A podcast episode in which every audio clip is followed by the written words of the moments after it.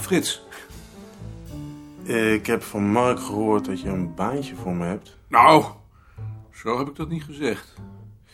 Eh, ik heb wel werk, maar ik weet niet of ik er geld voor kan krijgen. En ik weet ook niet of dat werkje wat lijkt.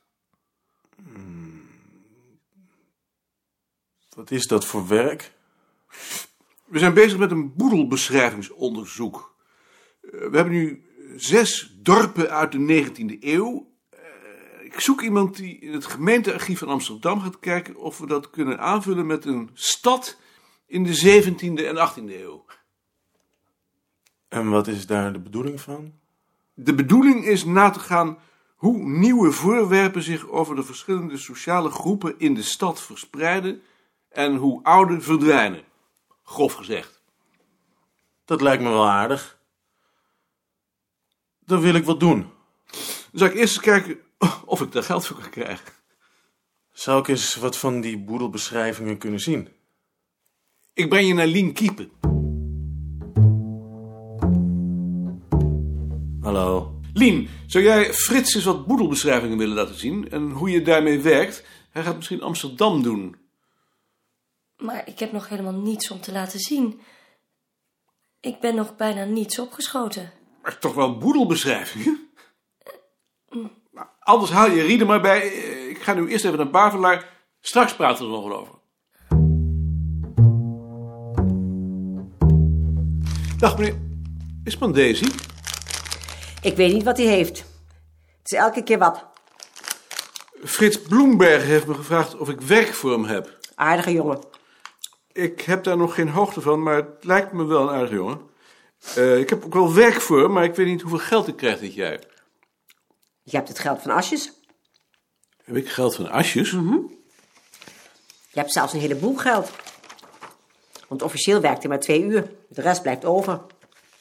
Maar dan krijgt hij niks. Jawel, hij krijgt gewoon zijn salaris. Dit is ziekengeld. Dat krijgen we terug.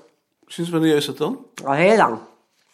Zolang als hij ziek is. En waar is dat geld dan gebleven? Dat is in de algemene pot gestopt. Het meeste is naar Koos gegaan en naar Bart de Rode. Maar dat had ik dan toch moeten hebben?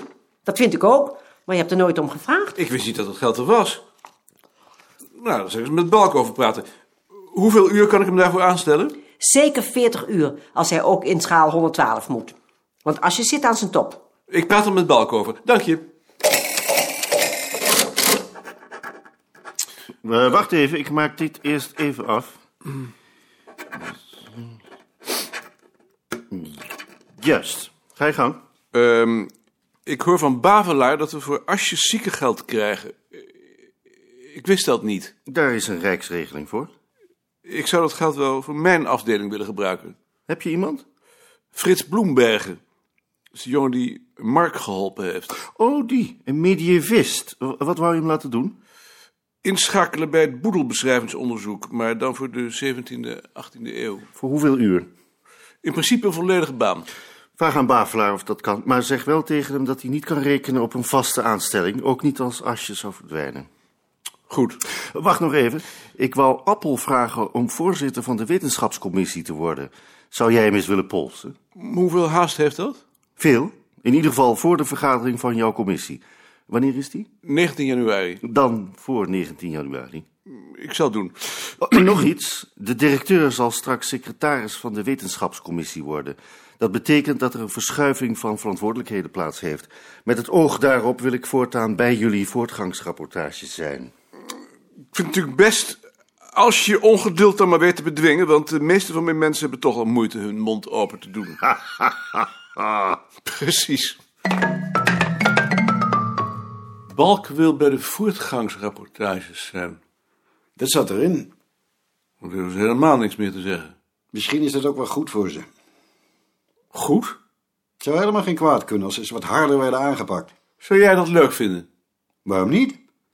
Wij worden hier veel te veel ontzien. Maar als ik kritiek heb, dan staan jullie op je achterste benen. Ik niet. Je mag mij best nog wat harder aanpakken. Daar word je alleen maar beter van. En we mogen Frits Bloembergen aanstellen. Van het geld van Bart. Misschien is dat wel hadden. Eh, is hij er nog? Ik geloof dat hij met Lien bij Rie zit. Dan ga ik daar eerst maar eens naartoe. Linksom.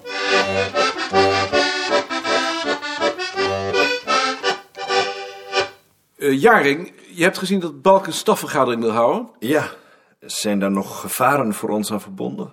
Als je die stafvergadering wil gaan gebruiken om een eigen onderzoeksbeleid te voeren, Dat zou heel vervelend zijn. dat zou vervelend zijn. Eh dat wordt dan ook bij de voortgangsrapportages zijn. Kunnen we daar niets tegen doen? Ik zou niet weten wat. Ik wou in ieder geval voorafgaand aan die stafvergadering een keer bij elkaar gaan zitten om een gezamenlijk standpunt te bepalen. Dat lijkt me wel goed. Maar we hebben eerst nog de voortgangsrapportage en de vergadering van de commissie. Wou jij nog iets doen met de commissie?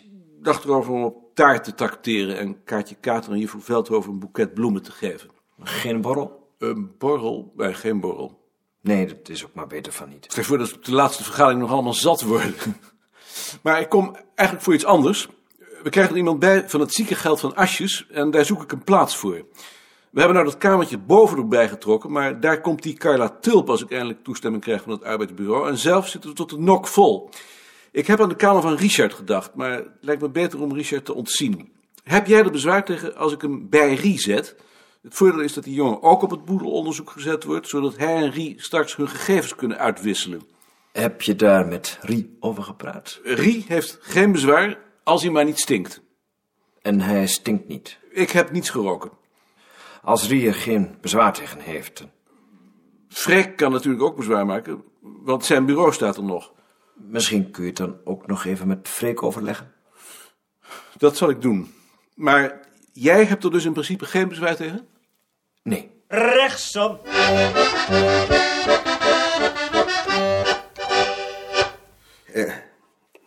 Oh, eh, Maarten, ik wou je graag even spreken. Mark. Ja, ik ben met het boek van kaptein bezig, omdat jij dat nog in dit nummer wilt hebben. Ja, eh, weet je dat nog altijd? Hij is net abonnee geworden en die groep sociologen waar hij toe behoort is voor ons een belangrijke groep. Ja, maar het is een slecht boek. Hm. Wat nu? Waarom is het slecht? Ja, omdat hij geen enkel gevoel heeft voor de historische realiteit. Hm? Hij is een fervente aanhanger van Elias, maar hij mist diens eruditie. Het is een echte socioloog. Wat hij over het verleden zegt is voornamelijk een projectie van de ideeën uit zijn eigen kring. Zonder enige bronnenkennis. Het begint natuurlijk allemaal in de middeleeuwen, want dat hebben ze van Elias. hè. In de middeleeuwen is de chaos. Daar heerst het recht van de sterkste, die te paard gezeten de anderen onderdrukken. En vervolgens wordt het een langzaam beschaafdere. Te paard? Ja, ja en dan, eh, zo'n man had dan natuurlijk ook nog het Jus Prime Noctis, want dat halen ze er ook altijd bij. Terwijl hij maar één goed boek had hoeven lezen om te weten dat het allemaal wel wat genuanceerder ligt. Redeloze, ongeremde holbewoners. Levi Brulachtige wilde. Maar wat nu, hè? Heeft hij ons dat boek eigenlijk ter recensie gestuurd? Nee, Hm. Dus we hoeven het niet te bespreken. we hoeven het niet. Maar dat lijkt me niet de juiste vraagstelling. De vraag is of onze lezers verwachten dat we het bespreken. Ik zou het liefst zien dat je dat boek wel besprak en zegt wat je bezwaren zijn. Dus niet door die jongens laten intimideren. Ik begrijp het. Het hoeft niet meteen een lange kraakactie te worden, kort kan ook, maar met je bezwaren. Ik begrijp het. Maar, Mark, nu iets anders. Ehm, ik weet niet wat Jaap precies voor heeft met die stafvergadering, maar ik eh, hou er rekening mee dat hij de hoofdenvergadering wil uitbreiden met een aantal personeelsleden tot een instituutsraad, die dan als klankbord moet gaan dienen voor zijn beleid. Niet onmogelijk. Ik ben daartegen. Ik vind dat de afdelingshoofden hun personeel moeten vertegenwoordigen. Maar dat ze dan ook door hun personeel afgezet moeten kunnen worden. Dus niet één man die daar zit namens het hoofdbureau en één man die er zit namens het personeel. Je begrijpt dat ik mezelf de kans wil geven om eruit geknikkerd te worden. Ja, dat heb ik begrepen. Maar ik heb ook de pest aan grote vergaderingen. Dat is schijndemocratie. Eigenlijk zou het beleid gemaakt moeten worden door één man. Maar dan een man die gekozen en afzetbaar is. Ik geloof dat werkelijk beleid altijd maar door een paar mensen gemaakt wordt. En, terloops, zoals wij daar net gedaan hebben. Vreemd is het wel, maar niet onbekend. Dat niemand je ziet zitten.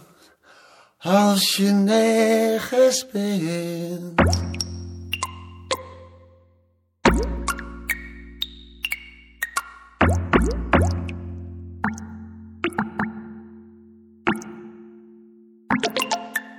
Balk heeft te kennen gegeven dat hij voortaan bij de voortgangsrapportages wil zijn.